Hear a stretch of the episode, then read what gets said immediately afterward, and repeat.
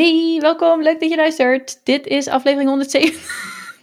ja, ik, jij ziet gewoon naar mij als ik haper. Terwijl ik, terwijl ik echt nog dacht: oh, deze red ik. deze, deze red ik best aardig. Maar nee, ik, um, ik hakkelde, want ik zat aan drie verschillende dingen te denken. Welkom, leuk dat je luistert, lieve luisteraar, naar aflevering 117 van Dit is 30. En uh, twee uh, zeer drukke podcasters, volgens mij. Ja. Hoi Kaya, leuk je weer te zien. Hey, we hebben elkaar ook. Ja, ik nou. zat ook te kijken in onze WhatsApp en mijn vorige berichtje was ook letterlijk de link van vorige keer. De link van Ja. vorige keer van onze eh, opname. Dus we hebben... Nee, dat is niet waar. Nee, we hebben nog Nee, één berichtje uitgewisseld. En Dat was wel waar. echt een super lief berichtje. Ja, that is true. Ik heb het trouwens aan hem laten zien. Eh, ja, laat even. Wat, wat was het? Ja, eh, Zeno had dus een soort van waaier geknutseld. Met daarin dus een aantal zinnen gericht naar jouw oudste zoon. Of je middelste zoon, moet ik zeggen. Eh, waarin hij eh, te kennen gaf dat hij het toch wel heel fijn zou vinden als er weer een playdate eh, kwam. Maar dat was heel schattig, want hij had inderdaad een waaiertje. eh, even kijken hoor, nou, as we speak ga ik het, eh, het filmpje even afspelen, want uiteraard weet ik niet meer wat er precies op stond. Lie- Lieve Mason, kan je ooit weer bij ons eten en bij ons slapen en ook spelen? Groetjes, Zeno. Maar dat, dat had hij dus op, op allemaal losse papiertjes geschreven en dat aan elkaar geknoopt als een soort van waaiertje. Echt superleuk. En ik moet heel eerlijk zeggen, dat heb ik hem trouwens ook eh, verteld, kudos voor zijn eh calligrafie trouwens. Dat was echt super mooi geschreven. Zeker, maar ik vind ook de storytelling goed. Want het is, het is ook. Ja, Het, het is, weet je wel? Kom je ooit bij ons eten en ook spelen? ooit. Ja. Ja. En volgens mij zei hij ook Ja, nog. en- En, en- en, slapen. En slapen, ja Zeker. Logeren, ja. Dus ehm, een leuke uitnodiging. Dat, dat was inderdaad het berichtje nog tussendoor. Het was zeer, zeer cute. hey, ik zie dat je online bent. Jezus, wat. Dat kan jij helemaal niet zien. Wel? Ik zie heb ik dat- uitstaan. Nee, ik zie dat je online... Ik zie, dat je... ik zie altijd dat je online bent. Oh, En dan- dat ik dat uit had staan. Nou, kijk maar.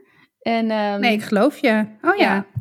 Eh, en eh, je ziet alleen niet dat jij... Jij hebt geen blauwe vinkjes. Maar die heb je al Nee, jaren nooit. Nee. Nee. Ik, ik, Dus- I love the mystery.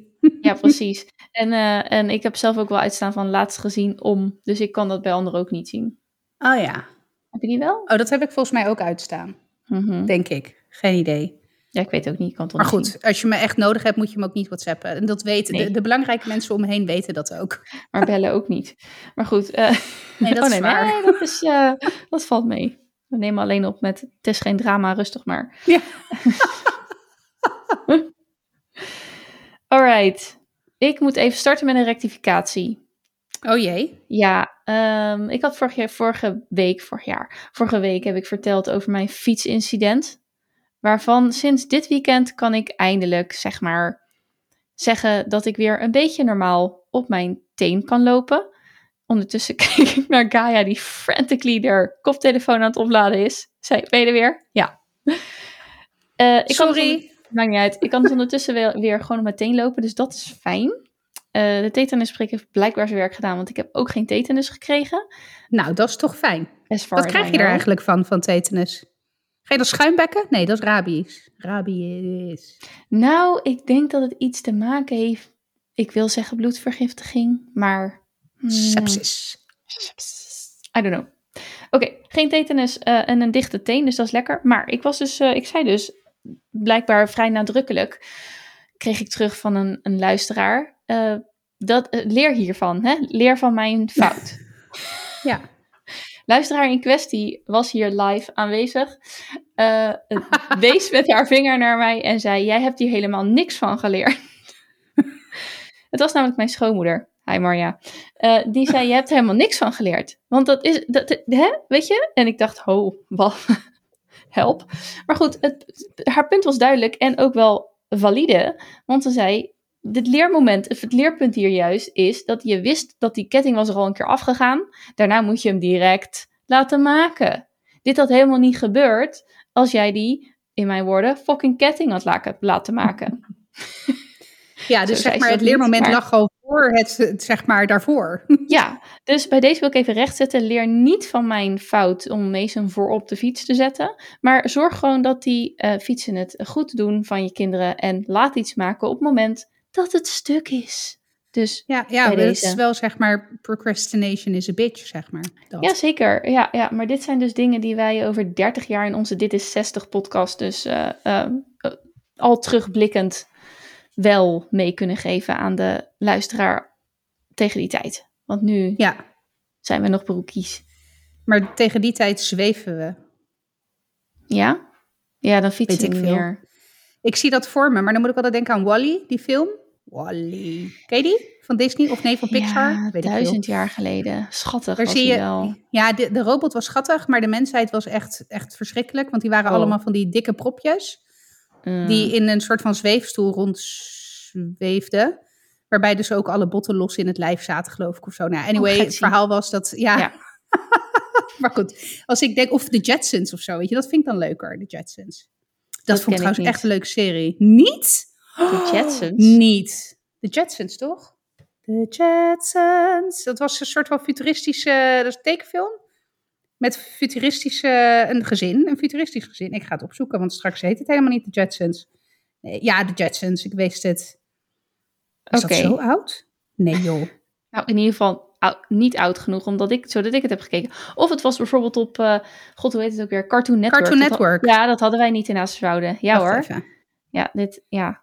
Super Nee, doesn't ring a overbelicht. bell? Oh ja, no. no. Very, Nee, oh, very dat much was not. zo'n leuke serie. Nee, het ziet er ook inderdaad Oh, echt dat uit als een teken, eh, tekenfilm uit begin jaren negentig. Nou, het schijnt dat het origineel zelfs uit de jaren 60 is. Maar Oh, ehm, Ja. ja. in 1962 en 63. Maar de Hmm. remake eh, heb ik in ieder geval in de 90s gezien. Oké.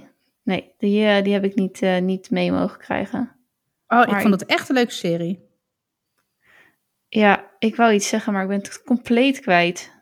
Sorry. Ja, luisteraar denkt echt, je wilde dit, je wilde dit. Oké, sorry. We ik gingen even, even terug, Mhm. resume. We hadden het over dat je, je je fiets gewoon moest laten maken als die kapot was. Dat was Oh ja. verhaal. Waar ik aan moest toen denken, toen jij, ja, toen jij, dat weet de luisteraar helemaal niet, maar toen jij het over Wally had, toen moest ik denken aan die film.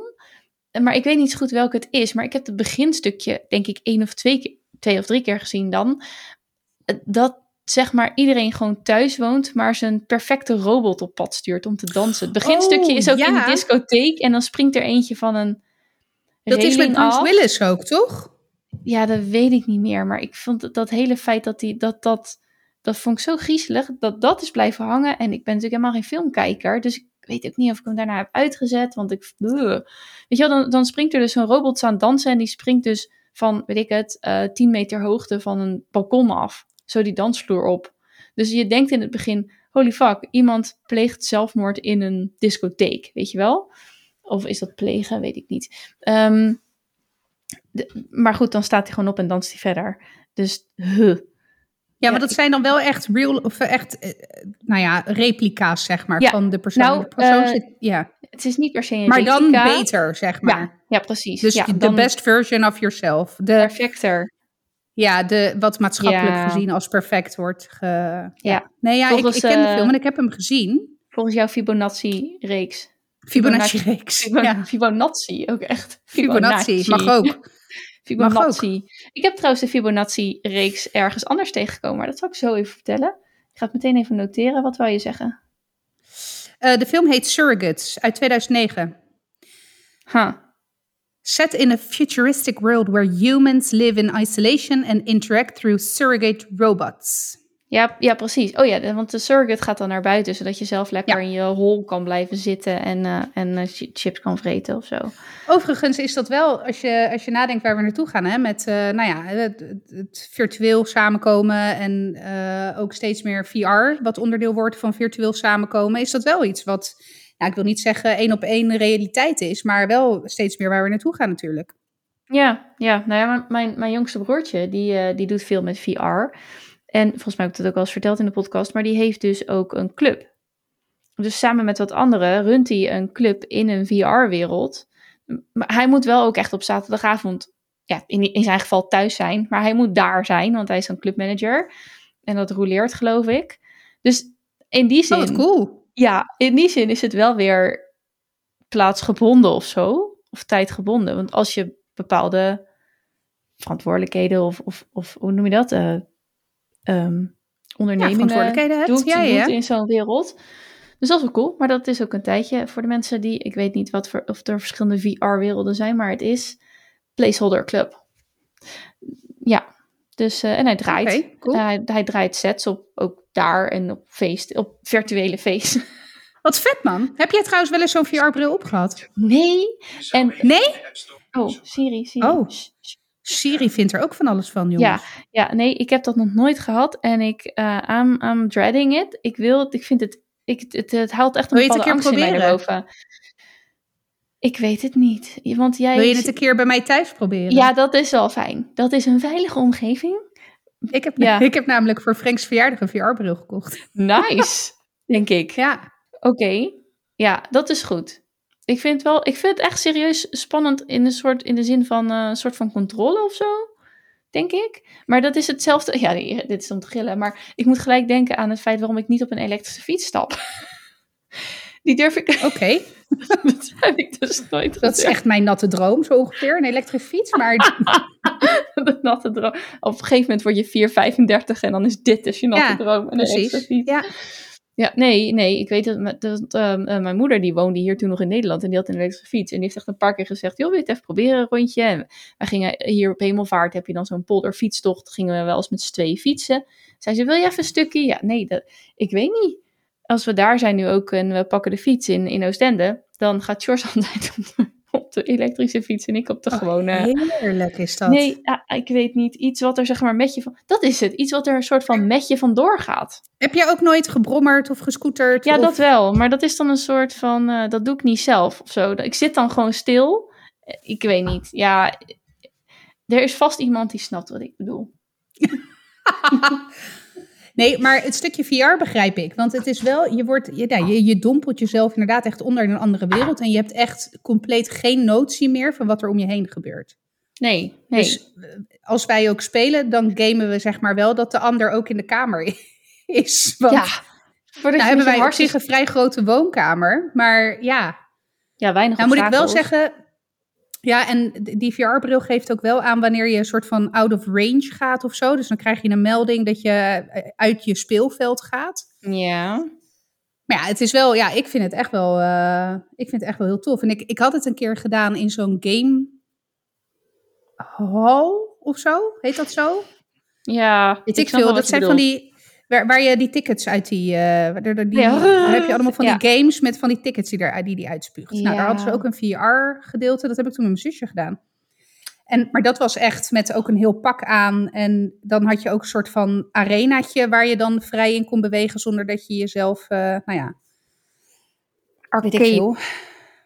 Ja, arcade hall of zo. Nou ja, anyway, Ja. daar had ik al een keer VR gedaan. En dat was, dat was natuurlijk ook dat je moest ontsnappen. Een soort van arachnophobia 2.0. Oh, gadverdamme. Ja, was niks voor jou. Niks voor jou. nee. Ja, ik- weet je, het idee, het, zeg maar, de kans dat ik dit ga doen wordt steeds kleiner. Maar goed. Nee, maar eh, ik heb geen arachnophobia. Ik heb Iron Man. En ik weet niet, niet wat iets voor van, spellen eh, nog meer. Van, eh, Dat je kan vliegen als een dat? vogel. Vast wel. nee, gewoon, wat speel ik op de Switch? Hoe heet dat? Animal Crossing. Beetje bloemetjes plukken en zo. Oh ja, dat je moet bukken om je bloemetje te plukken. En dat je zeg maar met een hooivorkje hooi binnen moet halen. Nee, ja. eh, nee, heb ik niet. dat, is, dat is my kind of game. of The Sims of zo. Oké, ehm, dat is cool. VR. Oh, dit, dit gaat alle kanten op hè, vandaag. Ja, Sorry, eh, lieve wordt, luisteraars. Het wordt leuk. Ik zit er helemaal in. Ik zat echt na het eten helemaal er doorheen. En nu eh, ben ik er weer. Dus, nu eh, zie je mijn komt- hoofd, en, maar dat maakt alles weer goed. Zeker. Nou, dat was wel de edge. Want ehm, ik heb een potje vier op een rij gespeeld met eh, Mason. En dat ging supergoed. En op het laatste had hij mij gewoon met een of andere strategie had hij me eronder. Dus dat vind ik dan echt... Oh, wat goed. Ja, want ik zei, voor, heb ik dat in de podcast verteld alleen tegen jou? Dat ik dus niet hem laat winnen. Mhm. Ehm, en dat vindt hij gewoon heel, nou, dat vindt hij gewoon heel leuk. Ja, dat is nou eenmaal zo. En het is, ik heb ook uitgelegd, ik ben 30 jaar ouder dan jij. Hoe, hoe kan jij van mij winnen? En dat is alleen wat ik dus moeilijk vind, is overzicht houden. Dus als hij snel, als we snel, snel, snel, snel, snel, dan ga ik fouten maken. Dus nou, nu had hij het, had hij het voor elkaar hoor. En het was echt mooi. Nice. Dus eh, ja, dus dat was leuk. Maar ik had een, eh, wel een inzinking, want ehm, nou sowieso druk, moe, eh, tien over vier wakker, weet je wel, dat soort dingen. Het Oh, is weer even, die, eh, eh, weer even zo'n periode. En ehm, even kijken of er geen oortjes zijn. Ehm, we kregen ook vandaag voor, nou, dat is, ik moet zeggen, bijna het voor het eerst, voor het eerst in bijna tien jaar, negen, ja- negen jaar. Ehm, nee, voor de tweede keer kregen we de scheiding naar ons hoofd, en eigenlijk George naar zijn hoofd geslingerd tijdens het eten. Oh, Maar dat ging ook op een manier van, het was gewoon, hij was gefrustreerd over heel iets anders. En dit is een ehm, voor de hand liggend ja. ding om, om mee te slingeren. Dus, eh, Ja. Maar meeste, de vorige keer kon ik dat heel rationeel goed wegredeneren. Want, en terecht hoor, want hij had ook reden om gefrustreerd te zijn met, met, met zijn vader en met mij. Dus eh, vanuit zeg maar 15-jarig perspectief. Ehm, maar nu was, ben ik gewoon te moe en nog te, weet ik veel, te emotioneel of zo om, eh, om dat goed te kunnen weg. Of in een, in een volwassen Ja, potje ja. te kunnen laten vallen. Dus eh, verder niet op gereageerd hoor. En het was ook niet mijn discussie om te voeren. Trouwens, er is niet echt een discussie gevoerd. Maar eh, niet mijn gesprekje om te voeren. En, maar ik merkte wel, huh, weet je wel, zo, di- zoiets kan alle energie gewoon uit je zuigen, uit je laten lopen. Dus ik was echt... Maar vier op een rij is blijkbaar de... En natuurlijk jouw hoofd is een perfecte manier om Ja, dank je. weer helemaal op te laden. Maar ehm, ja, dat was wat. hey, ik heb wel eens verteld over de zee van verdriet, hè? Zeker. Nou, dat ik dus niet snapte waar die vandaan komt. Nou, ik denk dat ik een idee heb gekregen. Oh, echt? Want ik ben achter iets gekomen van mezelf. Oh, Ik weet niet meer zo goed wat de aanleiding is, maar dat doet er misschien niet zoveel toe. Maar ineens had ik had met, met George is wat, wat dagen vrij, dus we hebben wat momenten samen. We hebben ook wel gesprekken over wat hij eh, zo meteen wil en straks en weet ik het allemaal. Weet je, we gaan natuurlijk stoppen bij ambulance en wat dan. Eh, dus het, eh, het ligt wel wat aan de oppervlakte, zeg maar, dat je weer aan jezelf gaat graven. En ik kwam erachter dat ik dus heel vaak wat ik denk en wat, ik, wat er in mijn hoofd zich afspeelt, dat ik dat dus niet uitspreek. Je hoeft natuurlijk niet alles uit te spreken wat er in je hoofd afspeelt, maar er is een heel groot deel van mij dat ik niet deel met mijn naaste, omdat het, eh, ik het blijkbaar ooit heb gelabeld als vaag, onnodig, onbegrijpelijk, raar. En dat is een bepaalde gedachtenwereld. En ik probeer het uit te leggen en dat is hetzelfde, en dat gaat dus op dezelfde manier als het, waar zeg maar het probleem, laat ik het maar even zo, dan noemen, terwijl het geen probleem is, zich voordoet. Maar hoewel ik heel talig ben, gebeurt er heel veel qua beelden in mijn hoofd. Dus als ik wil uitleggen waar ik met mijn hoofd zit, dan heb je een bepaald, je hebt een cirkel waarin de buitenwereld zich begeeft en waarin heel veel mensen compleet gelukkig zijn.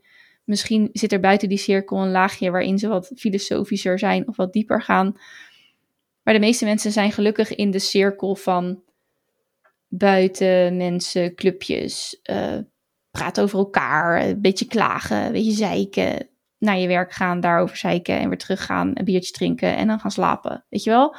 Ik noem nou maar wat. Gewoon dat, dat gezellige, gekeuvel. Gecompliceerde leven Ja. en gekeuvel. Ja. En daar zijn dat, dat niemand is minder dan of beter dan een ander.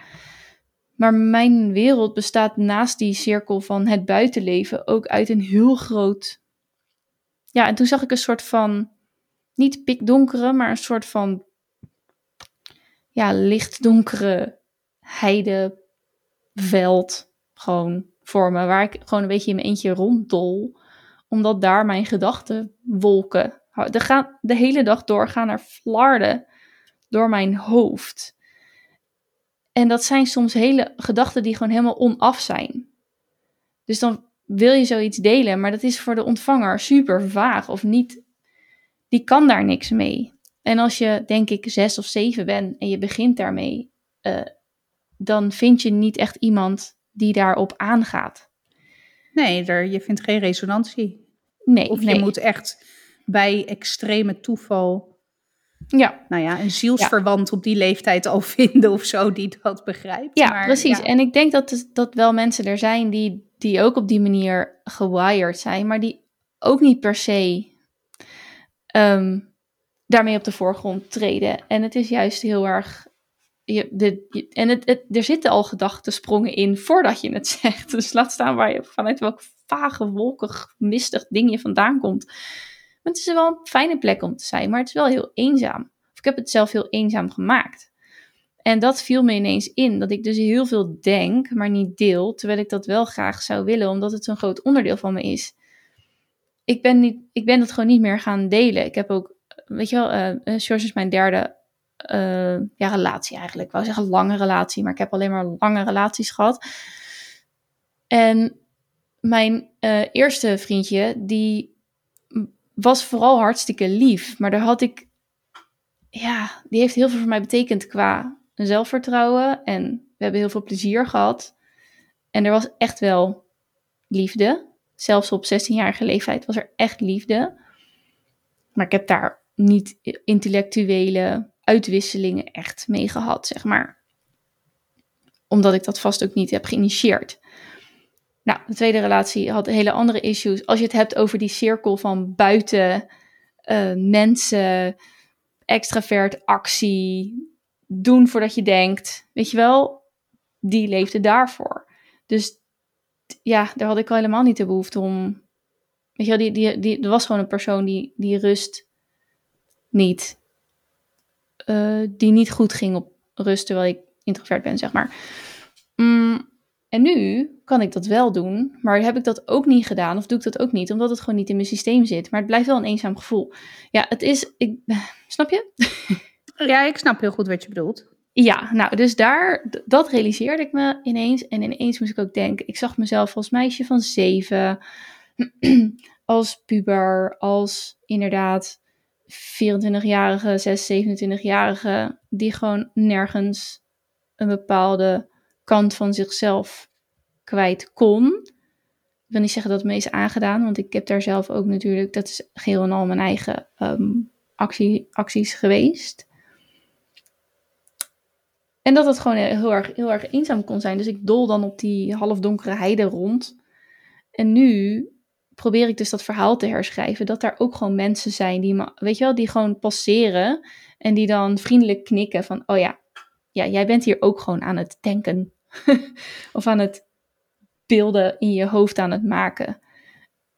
Of, want dat is wat ik bedoel die beelden in mijn hoofd die ontstaan gewoon. Er is een situatie en het wordt in een soort van plaatje uitgebeeld. Ik zeg, ik wou dat ik echt kon tekenen of schilderen. Want dan zou ik die heide, zeg maar, nu gaan schilderen. Zodat je ook kan zien wat ik zie.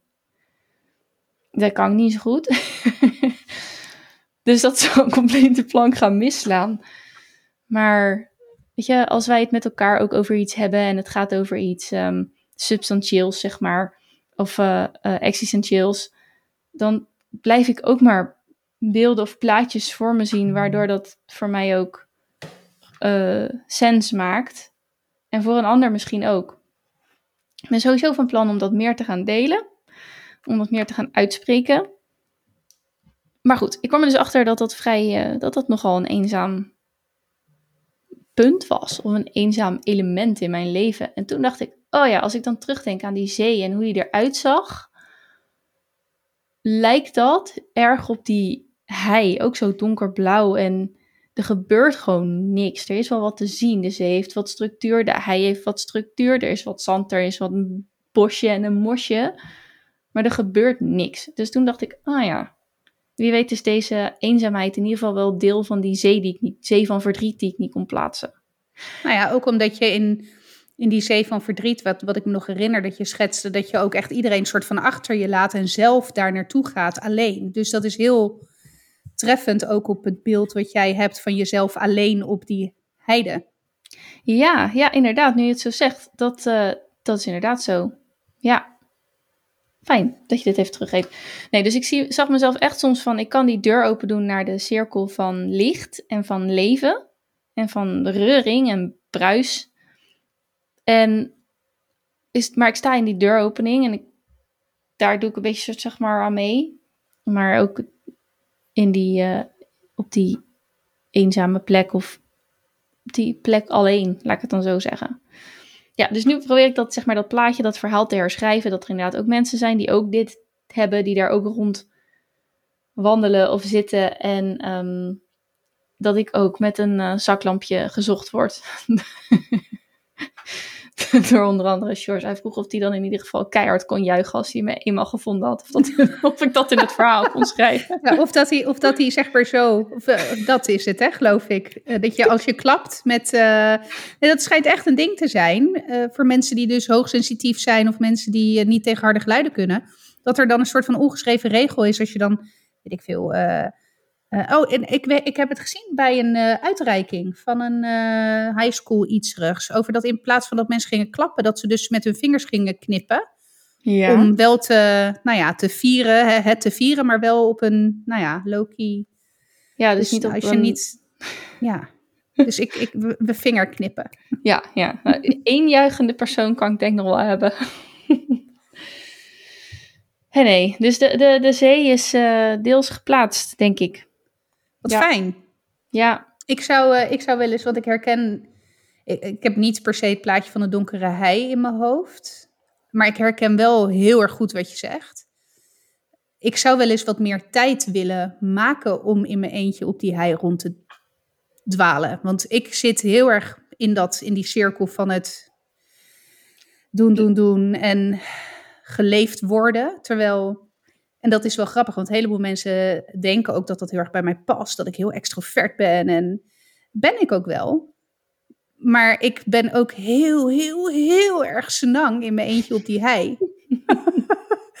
ik ben die bekende, wat is het, extroverte introvert of zo? Of ja dat introvert met extroverte eigenschappen. Ja, zoiets. Want Ja, ik kan bijvoorbeeld ook echt meer dan prima alleen zijn. En ook echt meer dan, ik, weet je, ik pak zo bij wijze van mijn koffer en ik ga een week alleen letterlijk in de hut op de hei zitten. Helemaal Ja. prima. ja, letterlijk naar de hei. Ja, maar eh, ik, ik, ik gun alleen mezelf de, de tijd niet om, zeg maar, een soort van dat te onderzoeken. Terwijl ik wel steeds sterker ook de behoefte heb om dat wel te doen. Ja, want het is ook wel een fijne plek, een Oh, fijne plek om te heerlijk. Het is Heerlijk is, omdat het. het onderdeel van jezelf is. Ja. Nou ja, delen daarvan kan ik als Flarden in deze podcast wel kwijt. Maar probeer toch altijd wel wat concreet te zijn. Want, nou ja, anders wordt het helemaal zo'n filosofisch. Dan moet ik echt een andere podcast, of we moeten een andere podcast gaan beginnen als we willen filosoferen. Ik bedoel, we moeten het natuurlijk wel af en toe over de vulva hebben. Ja, zeker. En tieten Ja. en zo. Ja, ja. En, eh, en, en haar. En, maar ik heb wel nieuws over vulva. Want ik, mijn moeder die, eh, die zei, eh, die vond het ook dat, we, dat- het allemaal wel wat te intellectueel werd. Dus zij stuurde mij een berichtje over liedjes van zangduo Vulva leiden tot kamervragen van SGP en ChristenUnie. Ach, Schokkend. Jezus, meen je dit? Ga Ja. weg. Ja, nou dat artikel kan ik dus niet helemaal lezen, maar ik kan wel eh, de intro lezen op ad.nl. En het is een bericht van 17 september. Er gaat een snoeiharde punkmuziek over abortus, menstruatiebloed en de dominante rol van mannen in de maatschappij. Dat is waar de Rotterdamse band met de weinig verhullende naam Vulva voor staat.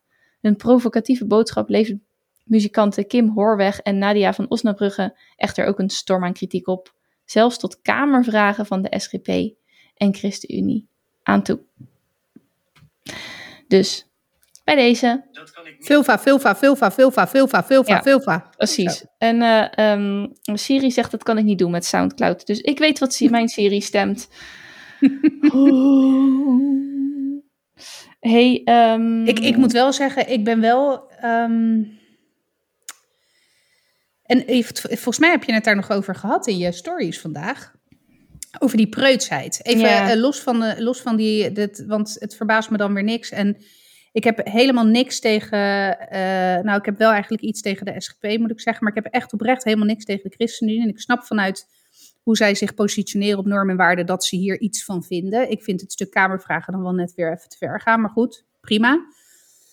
We leven in een democratie, dus er mogen Kamervragen over gesteld worden. Maar als je het hebt over. Dat is eigenlijk ook heel. eh, nou, bipolair bijna. Want je hebt aan de ene kant een. een nou, als je het hebt over socials en überhaupt hè, steeds meer. Toch wel preutsheid. Inderdaad, eh, nou ja, eh, seks mag niet meer voluit geschreven worden. En eh, ik, ik zie het bij. ehm, bij ehm, nou ja, bij content die over seks gaat, maar ook over vaginisme bijvoorbeeld. Dat wordt ook altijd een soort van cryptisch. Dat ik denk, joh, Ja, maar hoe meer we het in het verdomhoekje ook proppen, hoe meer controverse er ook omheen bestaat, hoe meer het in de donkerte wordt geduwd en alsof het schaamtevol is. Nou, dan kom je ook weer in het hele cirkeltje van misbruik. En bovendien, wat is er mis met seks? Seks is prachtig. Seks is fantastisch. Seks is een van de mooiste dingen die er zijn in het leven. Mits het consensual is, uiteraard. Mhm, mhm. Maar ik, ik, ik snap dat niet. Waar zijn we weer zo preuts geworden, zeg maar? Weet je, weet je heel eerlijk. eh, ja geen Ja. idee. Ik denk dat misschien is het een soort van tegen, weet je wel, de slingerbeweging van, van ja, ja, dat zou de kunnen. een naar het ander nu weer. I don't En wat ik bijvoorbeeld ook belachelijk vind, is dat hele verhaal dat je op Instagram geen vrouwelijke tepel, maar wel mannelijke tepel mag laten zien. Ja, Dat vind ik toch een partijtje onzinnig. Wat is dat nou voor bullshit? ja. Ja, nee, klopt. En ik denk dat het ook inderdaad te maken heeft met... Nou ja, we, we hadden het, we hebben het ook wel eens over topless zonne gehad. Dat het, Mhm. zeg maar, vroeger veel gebruikelijker was dan, dan nu. En dan, eh, of je dat nu wil of niet. Maar dat, ehm, daar, daar zit inderdaad ook wel verschil in.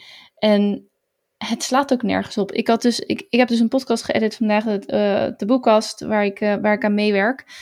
En daar ging het ook over het taboe van praten over seks. Je zit trouwens met, echt met een enorm decolleté decolleté tegenover me. ik raak helemaal.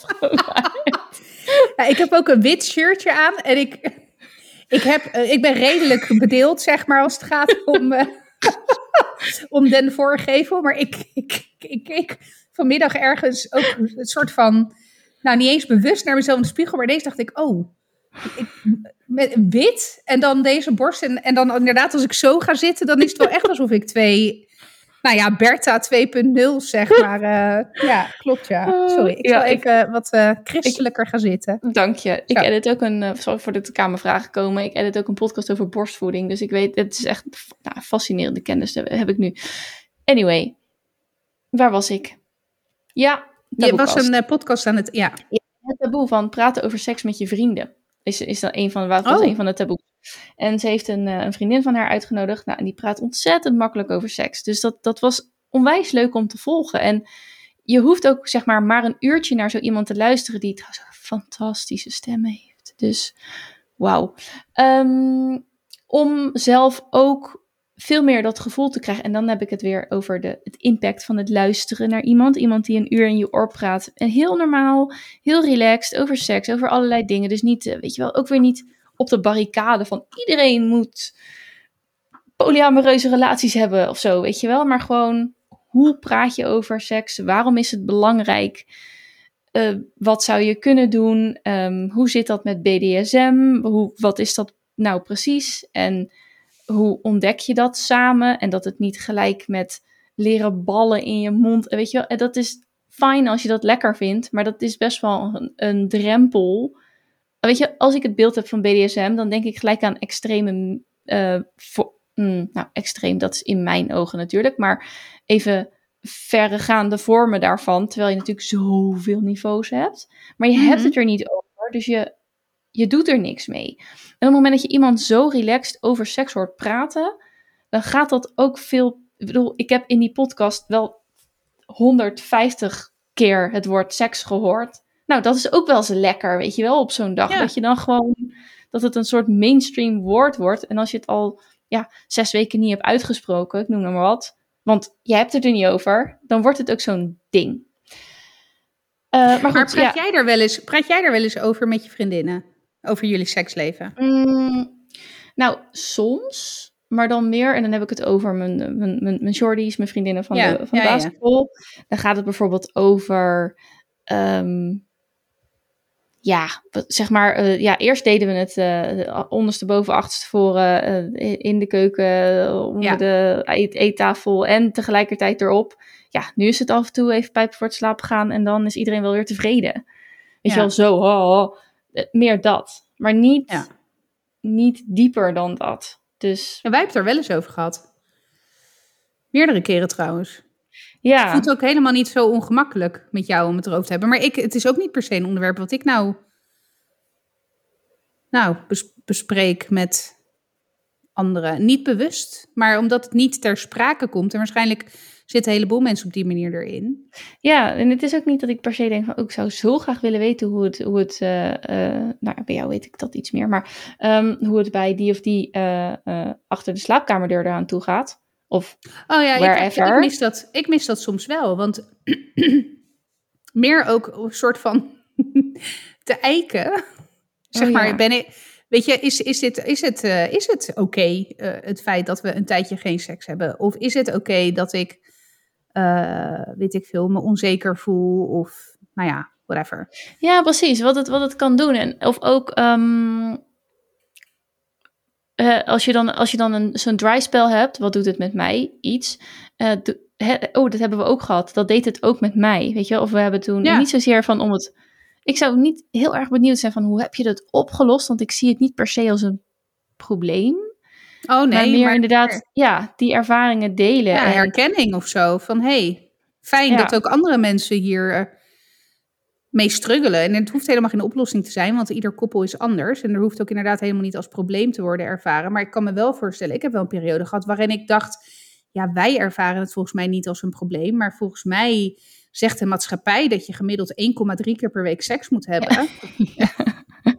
Zo gemiddelde wat, ja, wat wel het gemiddelde is, maar wat niemand doet. Ja, net als dat je gemiddeld 2,1 kind moet hebben. Ja, hm. precies. Dat is lastig.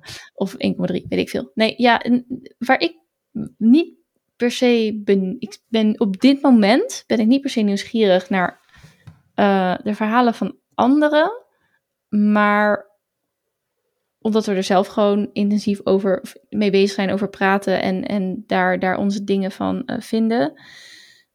Maar soms heb je wel die externe input nodig.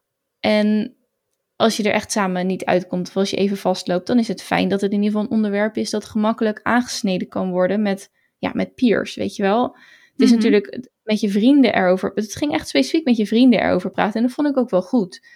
Want we kunnen het natuurlijk wel weer hebben over de uh, schoolse, nee, de, hoe zeg je dat? De voorlichting op school. We kunnen het hebben over hoe je ouders dat hebben aangepakt. Maar dat is echt anders dan met je peers over een bepaald Zeker. onderwerp praten. En ik had nog een punt wat ik wilde maken, maar dat weet ik niet meer. Oh ja, dat het ook dus mag zijn, als je, er niet, als je er niet over praat, worden dingen niet, mm, ik hou niet zo van het woord, maar normaler voor je. Dus net had ik het over BDSM bijvoorbeeld. En dan denk ik gelijk aan voor mij een intens beeld van leer en onderdanig en, en slaafs, zeg maar zo. Als ik dat zo mag, uh, mag zeggen. Terwijl het zoveel meer nuances heeft. En als je eens een keer met iemand daarover praat. En misschien zeggen er wel een aantal in je omgeving. Van, oh ja, wij doen ook een vorm van dat. Of we hebben dat en dat ook ontdekt. Dan wordt het gewoon veel kleurrijker. En veel genuanceerder. En veel uh, gedetailleerder, waardoor je denkt, ah, het is een heel spectrum van seksuele activiteiten. En mm. Zij legde bijvoorbeeld ook al uit van, nou, één misverstand is inderdaad dat de, de, de dominant, de dominante, uh, een soort van heerst over, de, bepaalt over de submissive, dus over de submissive. Onderdanige. Um, ja, ja, ja, onderdanige. En eigenlijk is dat niet zo, want het is de taak van de dominante om de submissive te laten genieten, zeg maar. Ja. Dus dat, nou, dat vond ik al zo'n fascinerend inzicht. Ik denk, ja, dit zijn al een aantal dingen. Dit is nou net zo'n zo'n detail of zo'n punt waar ik dus nu gelukkig deze aflevering voor kon luisteren. Maar waar je dus anders ook niet achter zou komen en waar je het dus ook niet over hebt. Dus zelfs, stel, wij gaan die kant op en we hebben een bepaalde um, activiteiten of een bepaalde route die, die leuk is, die lekker is, die fijn is. Maar een ander blijft maar op dat punt hangen van hoe, hoe weet je wel, dat is heel erg heftig en intens en de, je moet elkaar helemaal tot bloedens toe slaan. En uh, dan komt dat ook niet bij elkaar. Dus het, ja, het erover hebben, gewoon überhaupt met vrienden. Ik vond het wel interessanter, want dat is inderdaad, uh, ja, ik, ik was het er wel mee eens dat dat wel taboe is. Ja, ja, dus mijn punt. Weet ik niet meer. Was gewoon leuk. Oh ja, dat het, dat, daar was ik dus audiograms voor aan het maken. En toen dacht ik, ja, ik ga ze nu ondertitelen. mag ik wel het woord seks gebruiken? Of sperma, for that matter. Of vagina. Ja. Want dat werd ook gezegd. Nou, ik, ging er, ik werd echt een soort van paranoia. Want ik denk van ja, ik wil niet uh, dat, dat dat account geblokkeerd wordt. Of dat wij een minder bereik hebben. Want de bedoeling is wel groeien. Ja, dat, dat Ja. werkt het gewoon tegen. Maar ik kreeg inderdaad een berichtje van een, uh, een, uh, een coachie die ook bij uh, mijn business coach zit. En die zei ook van ja, ik gebruikte één keer het woord seks, dan met een X. Ik weet niet of dat nog uitmaakt. En ze zegt ja, ik zag echt direct minder views op mijn, uh, op mijn stories. Dus, ja, het wordt um, gewoon uh, het wordt een soort van geshadowband dan volgens mij. Ja, een soort, soort extra dikke filter ligt er overheen van wie Ja. het dan wel. Uh, je komt in ieder geval achteraan de rij te staan. Ja. Dus um, dat was nog wel inderdaad interessant.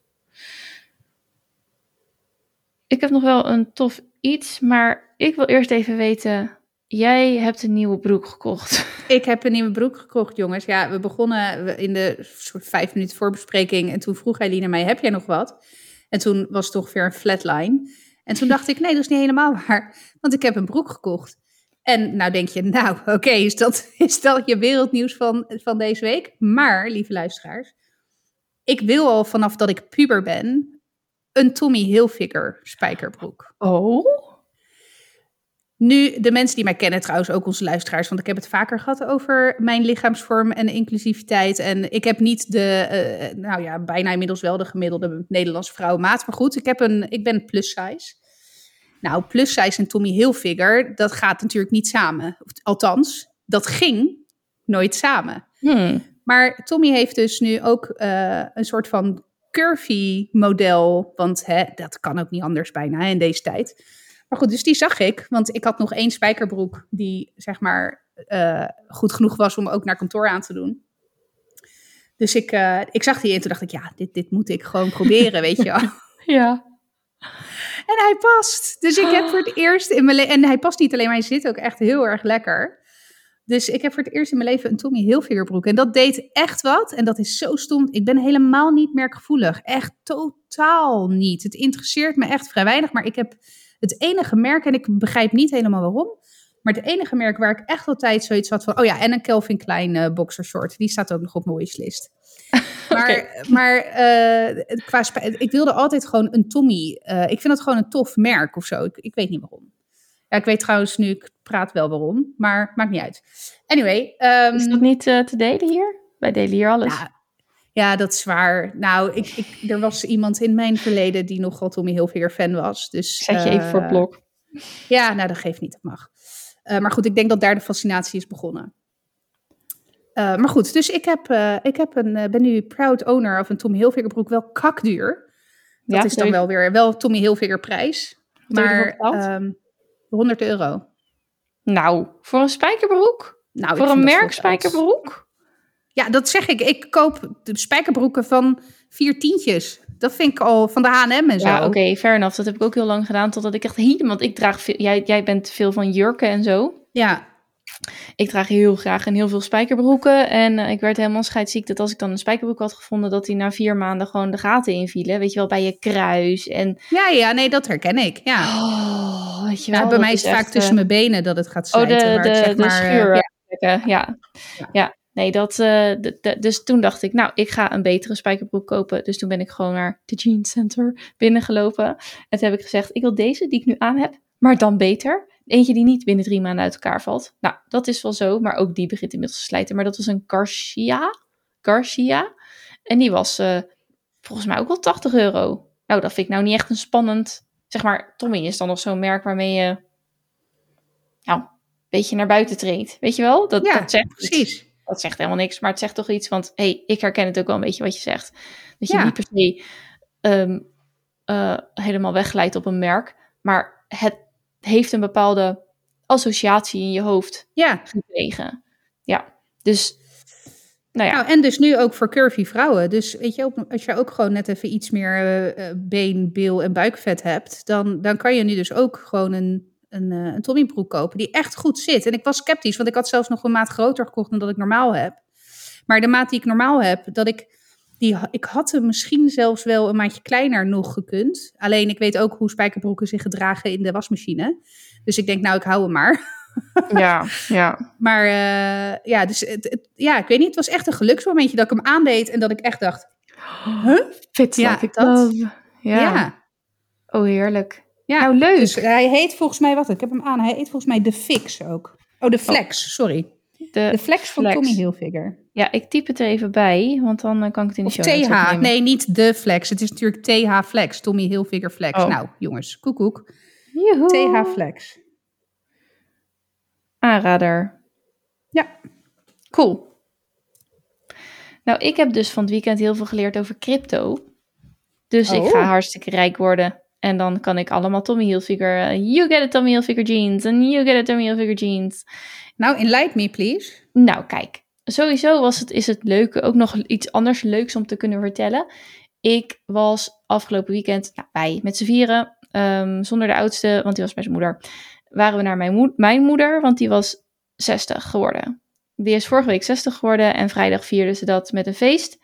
En toen bleven wij tot zondag. Nou, het was nogal druk met ehm logeerders, logiers.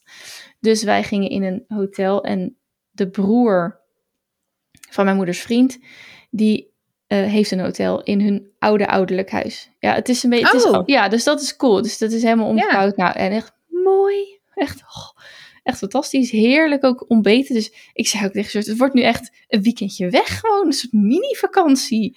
Dus dat was eh, hartstikke leuk. Dus Oostende, Charme Hotel, Kruishof, slash Luxus. ehm way to go. Die. Dus wij sliepen daar en doet daar trouwens helemaal niet toe. Maar eh, op mijn moeders feestje kwamen ook mijn broers. Mijn broertjes eigenlijk. Eh, ik ben de oudste van drie.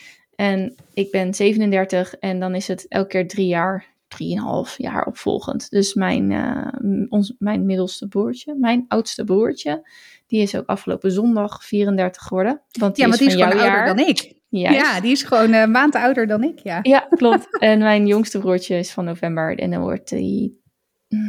is 34? 30 dan? 31. 31. Oh, 31. Hij is vorig jaar 30 geworden, oké. Ja, ja, dus het is elke keer drie jaar eh, verschil. Maar ik had ze dus al... Nou, mijn jongste had ik dan vorig jaar nog een keer gezien. Maar goed, je hoort het al. eh, vorig jaar nog een keer. En dat is dan veel, zeg maar. Dus ik had mijn oudste broertje had ik echt al een hele tijd niet live gezien. Ehm, er was ook een hele tijd niet echt contact.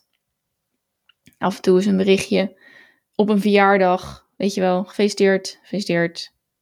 Gelukkig nieuwjaar, gelukkig nieuwjaar. Maar dat was het dan ook. En dat, dat was om allerlei verschillende eh, redenen. En het is eerder zo geweest van, joh, ehm, niemand heeft een deur dicht gedaan. Niemand is boos op elkaar. Maar we vinden elkaar gewoon niet op dit moment. Ik vind dingen belangrijk. Zij vinden dingen, hij vindt dingen belangrijk. En dat, nou ja, dat ging, dat, ja, dan kom je elkaar gewoon niet tegen. Dus zo. En, ehm, maar goed, afijn. Dus eh, mijn moeder zei al van, oh, nou, ze komen ook allebei naar mijn verjaardag. Dus nou, dat vond ik leuk. En in zekere zin ook wel een soort spannend. Want kan je voorstellen, ik heb mijn broer dus niet eens verteld dat ik zwanger was van Louis. Nou, die wordt in januari 5. Dus ik heb hem al, nou, meer dan vijf jaar niet gesproken. En daarvoor al niet gezien. Misschien één, keer, tussen, ja, misschien één keer tussendoor. Half nog een keer als ik toevallig ook bij mijn vader was. Of dat mijn vader jarig was. Dat... Maar dat zit je ook met een beetje visite. Dus dan heb je ook niet echt in op één tijd of zo. Ja, dus eh, dit was de eerste keer dat hij Lewis überhaupt zag. en natuurlijk Mason ook al, nee, dat niet meer. Maar ehm, eh, uiteindelijk zat hij op een gegeven moment tegen me... Hij had het over crypto. En hij zat van alles uit te leggen. En hij zei ook, hij had dan een chart. Dus ik eh, weet een heel klein beetje over crypto. Dus ik zei, eh, nou ja, ik heb eh, dit, dit, dit, dit. Ik koop dan een bitcoin en een, die, die twee altcoins heb ik. Ik heb er achttientjes in zitten. Dus dat is, weet je, het is geld. Hè? En ik vind acht, acht, eh, 80 euro vind ik veel geld. Maar nou, het is niks vergeleken met hoe mensen soms beleggen. Anyway, dus hij zegt, ja, nou, ik laat het wel even zien. Dus hij kwam naast me zitten en ging heel zijn chart uitleggen. Ehm, wat wel heel vet was, want je kunt dus op een... Hij volgt van wat heeft zo'n bitcoin nou gedaan. En dan kun je bijvoorbeeld vanaf negen jaar geleden, of hoe lang geleden? Dat is, nou, volgens mij negen jaar geleden zei hij dat het zeg maar het begon, Bitcoin. Jezus, zo lang alweer. Ja, op een gegeven moment kun je dus een trendlijn trekken. Mhm. En weet je wel, een Bitcoin gaat natuurlijk omhoog en omlaag. En dan doet hij een paar keer bouncen en dan gaat hij weer omhoog. Maar door al die bewegingen, eh, bijvoorbeeld van een dag of op een maand te zetten, wat doet hij nou per maand en hoe ziet die curve er dan uit? Eh, dan kun je op een gegeven moment een soort trendlijnen gaan trekken. Dus de ene gaat omhoog, de andere weer een beetje omlaag. Van welke trend volgt hij nou? En dan kan je dus ook in die, op die manier, zeggen ze dus, te voorspellen wat zo'n coin gaat doen. Dus hè, als op het moment dat hij drie keer bounced op een bepaalde lijn en toch weer omhoog gaat, oké, dan zit hij er nog in, maar gaat hij er doorheen? Oeh, dan moeten we even kijken naar welke andere trendlijn we kunnen trekken, welke die nu gaat volgen. Nou, dat is natuurlijk een en al speculatie. Hij zegt ook, hij was heel verstandig erin, in die zin dat hij ook zegt, het is allemaal emotie. Dat is heel beleggen natuurlijk ook. Het is allemaal emotie. Ja. Als we ineens denken dat iets heel veel waard gaat worden, dan willen we het. Maar dat, dat is helemaal niet... De stand van de beurs wordt bepaald door emoties. Dus, ehm, en dat is met Bitcoin net zo. Dus dat was eigenlijk heel interessant. We hadden echt een halve masterclass over, over crypto gekregen. Dus dat was echt heel cool. Nou, toen raakten we verder aan de praat.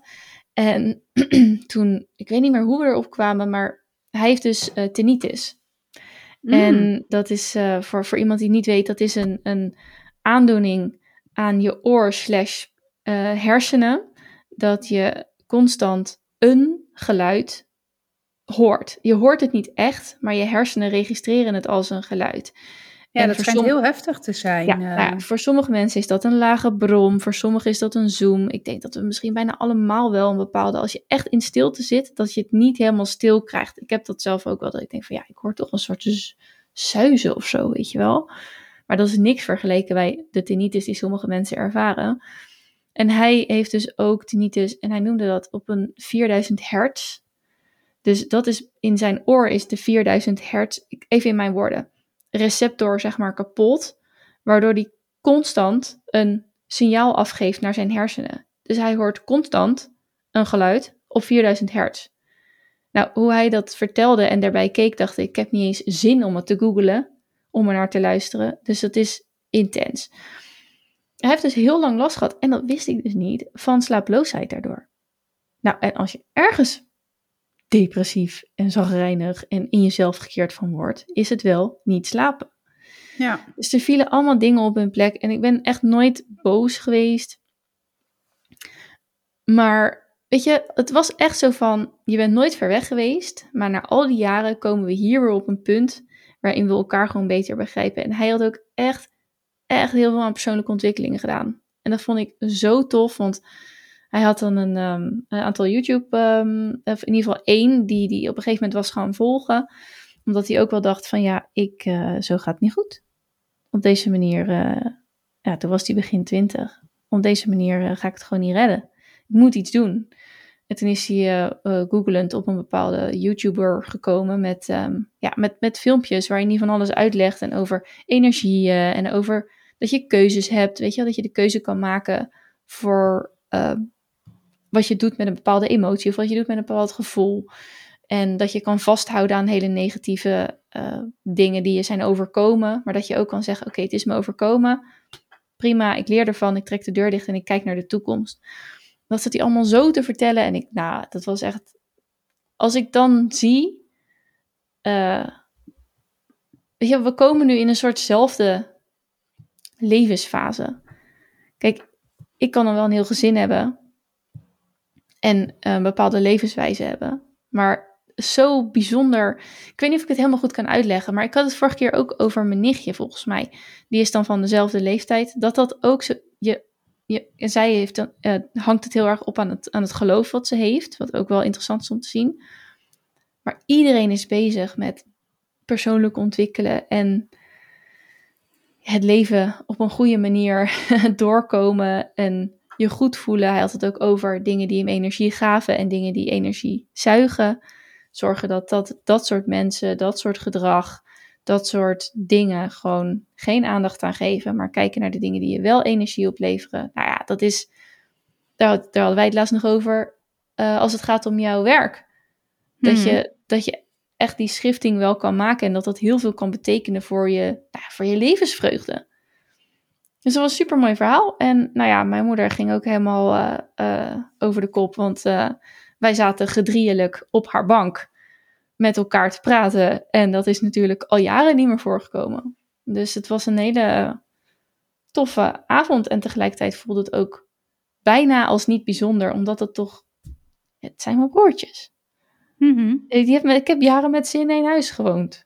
Hè? Dus het is nog steeds heel uh, vertrouwd. Relaxed. Vertrouwd, dat is een goed woord. Ja, ja.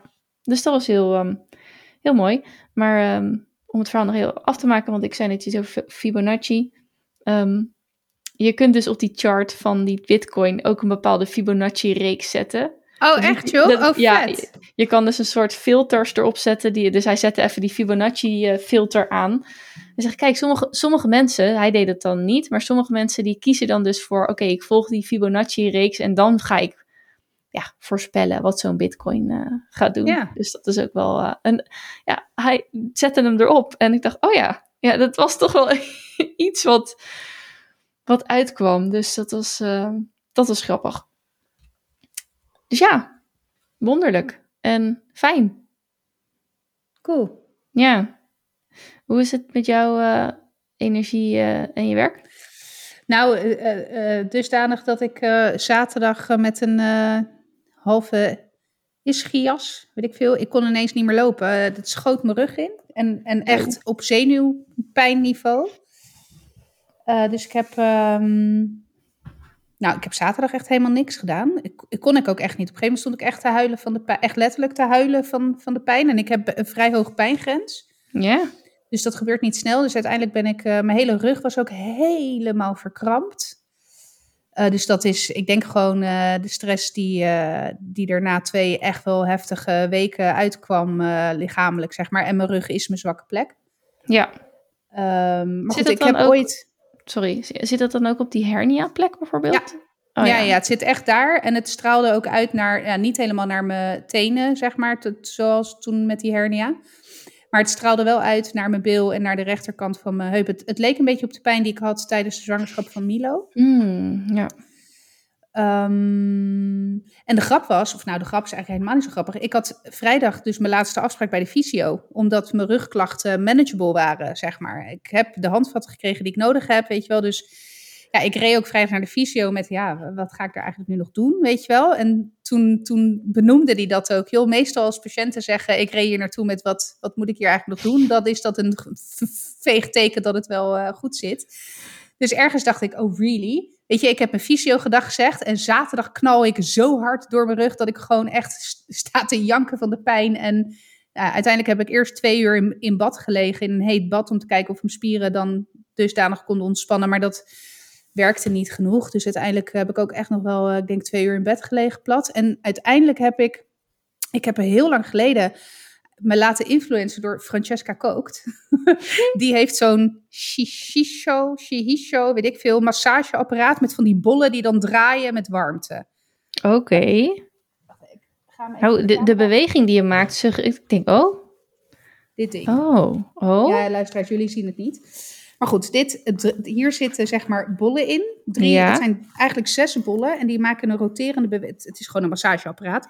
Die maken een roterende beweging en die bollen worden ook warm. En die heb ik, nou, nou misschien al zelfs wel een jaar geleden gekocht. Uh, omdat ik me had laten influencen door Francesca Kookt. En die, nou moet ik zeggen, ik heb hem wel een aantal keren gebruikt. Maar in all honesty lag die ook alweer een paar maanden te verstoffen in de kast. Dus ik dacht, weet je wat, ik ga dat ding gewoon proberen. Want ik weet het niet meer wat ik nu nog moet. Dus ik heb uiteindelijk, ik denk echt, nou zondag, nou ik denk echt wel 2,5 uur met dat ding op verschillende plekken op mijn rug gezeten. Het is nu ook helemaal beurs van het masseren, zeg maar. Ja. Dus, uh, maar het was wel, uh, vanochtend stond ik op en het was weg. Dus, um, dus het werkt. Maar als je, de, want je vraag was, hoe, ging, hoe gaat het met je uh, qua werk? het is niet alleen werk hoor, maar ik merk wel dat ik het begint zich nu ook fysiek te uiten, zeg maar. Die, de, um, het, het, het is, ik weet ook niet per se of het stress is, maar het gewoon het continu aanstaan of zo. Ja. Ik heb ook echt nou ja, wat ik er net zei, van ik, ik zou het mezelf gunnen om wat, wat vaker op die, op die hei te. eh, dat, ik merk dat ik dat ook steeds moeilijker vind om ehm, Af te het schakelen. maar niet druk te hebben. Want dat is ook wel Oh, prettig om het ja. druk te hebben. Want dat, dan hoef je niet met jezelf op die hei te gaan zitten, zeg maar. Eh, dus ik, ik, eh, ja, ik weet het niet zo goed. Het gekke is, ik heb vorige week vrijdag, niet afgelopen vrijdag, maar de vrijdag daarvoor, dus tegen de tijd dat deze podcast dropt, twee weken geleden, een gesprek gehad met mijn leidinggevende daarover. En dat voelde heel goed en fijn. En weet je, ehm, ja, het, het, was ook echt van, joh, vertel me maar wat je nodig hebt en ik ga het voor je regelen. Dat was een beetje het verhaal. Eh, en ik heb eigenlijk de afgelopen twee weken geen seconde stilgestaan qua werk. Ik moest ook de woensdagen werken. Deze week is mijn agenda ook alweer echt één grote bende. En dan denk ik ook, waarom kan ik geen nee zeggen? Ik kan dus geen nee zeggen op een of andere manier. Toen dacht ik, ja, fuck, dit, dit, ehm, hier moet ik iets mee. Dus, lang verhaal kort. eh, ik, weet, ik, ik vind het lastig om antwoord te geven op de vraag hoe gaat het? Want ik weet het even niet zo goed. Nee, heb je wel een volgende concrete stap in gedachten? Bijvoorbeeld weer in gesprek of... Of moet je die ook nog nou bepalen? ja, nee, ik weet wel, nee, ik weet wel wat ik, wat, ik, eh, wat ik moet doen. We hebben het gehad over inderdaad wat, wat kost energie, wat slurpt energie. En ik Ja. zou ehm, nou ja, de Eisenhower kwadrant voor mezelf gaan eh, maken op basis van de energieslurpers. Dat heb ik dus nog niet gedaan. Want Ja, ja, het ik de wilde leven. het. Ja, ik wilde het dit weekend doen, maar toen lag ik te kermen in mijn bed. Ja. nou, ik moet wel zeggen, ik volg dus nu een Focus Funnel programma. Nou, daar moest ik echt aan Renske. denken. Ja, het is, het is, want wat ik dus ook heb gemerkt, is je, je ontdekt ook van wat zijn fijne, wat zijn goede taken voor je, wat is je manier om te kunnen focussen. Dus heb ik ontdekt dat ik qua afleidingen dus niet zo eh, problemen heb, maar dat het vooral de omstandigheden zijn die voor mij heel belangrijk zijn. En ik heb dus de afgelopen twee weken sluimertaken, zoals zij dat noemt, opgepakt. Ja, ik heb gewoon mijn hele administratievakken bijgewerkt. En eh, dat is zoiets, ja, daarom schiet er ook fucking uit. Omdat het gewoon voor mij zoiets groots is en iets, zo'n klus waar ik als berg tegenop zie. Ja, Maar elke dag een half uurtje dedicated. Zorgen, weet je wel, echt een checklistje afvinken van even een kopje thee. Zorgen dat eh, mijn telefoon in de keuken ligt en ik dus niet, eh, nou, trouwens ik heb niet eens notificaties. Maar stel je hebt notificaties, zet ze uit of leg je telefoon weg. Ja, het werkt. Dus eh, dat kan ik echt als tip meegeven. Ja, gaat echt inrichten, zodat je gewoon, al is het maar 20 minuten. ja. Ja,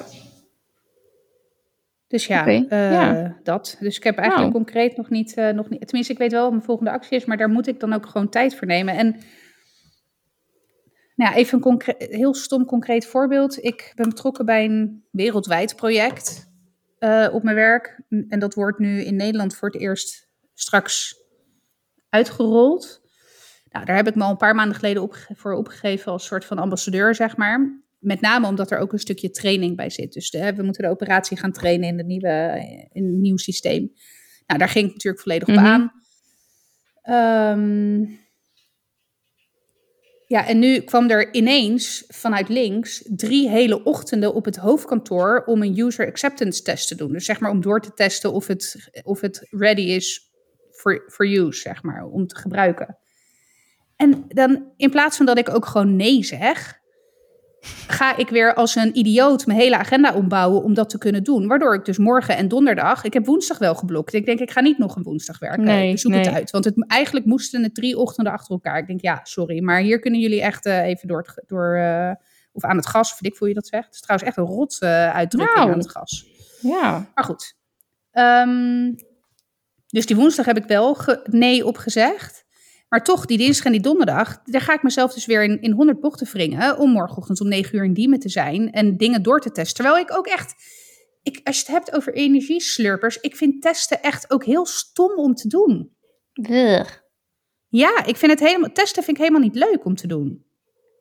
Nee, dus, Dus- deze realisatie moet eigenlijk iets eerder in het proces komen. Ja, want ik kan het nu niet meer last minute. Ja, aan de andere kant, als ik morgen ziek ben, hebben ze ook pech. Maar Ja. Ja, ik, ik, ehm, Kan je die donderdag niet nog skippen? Ja.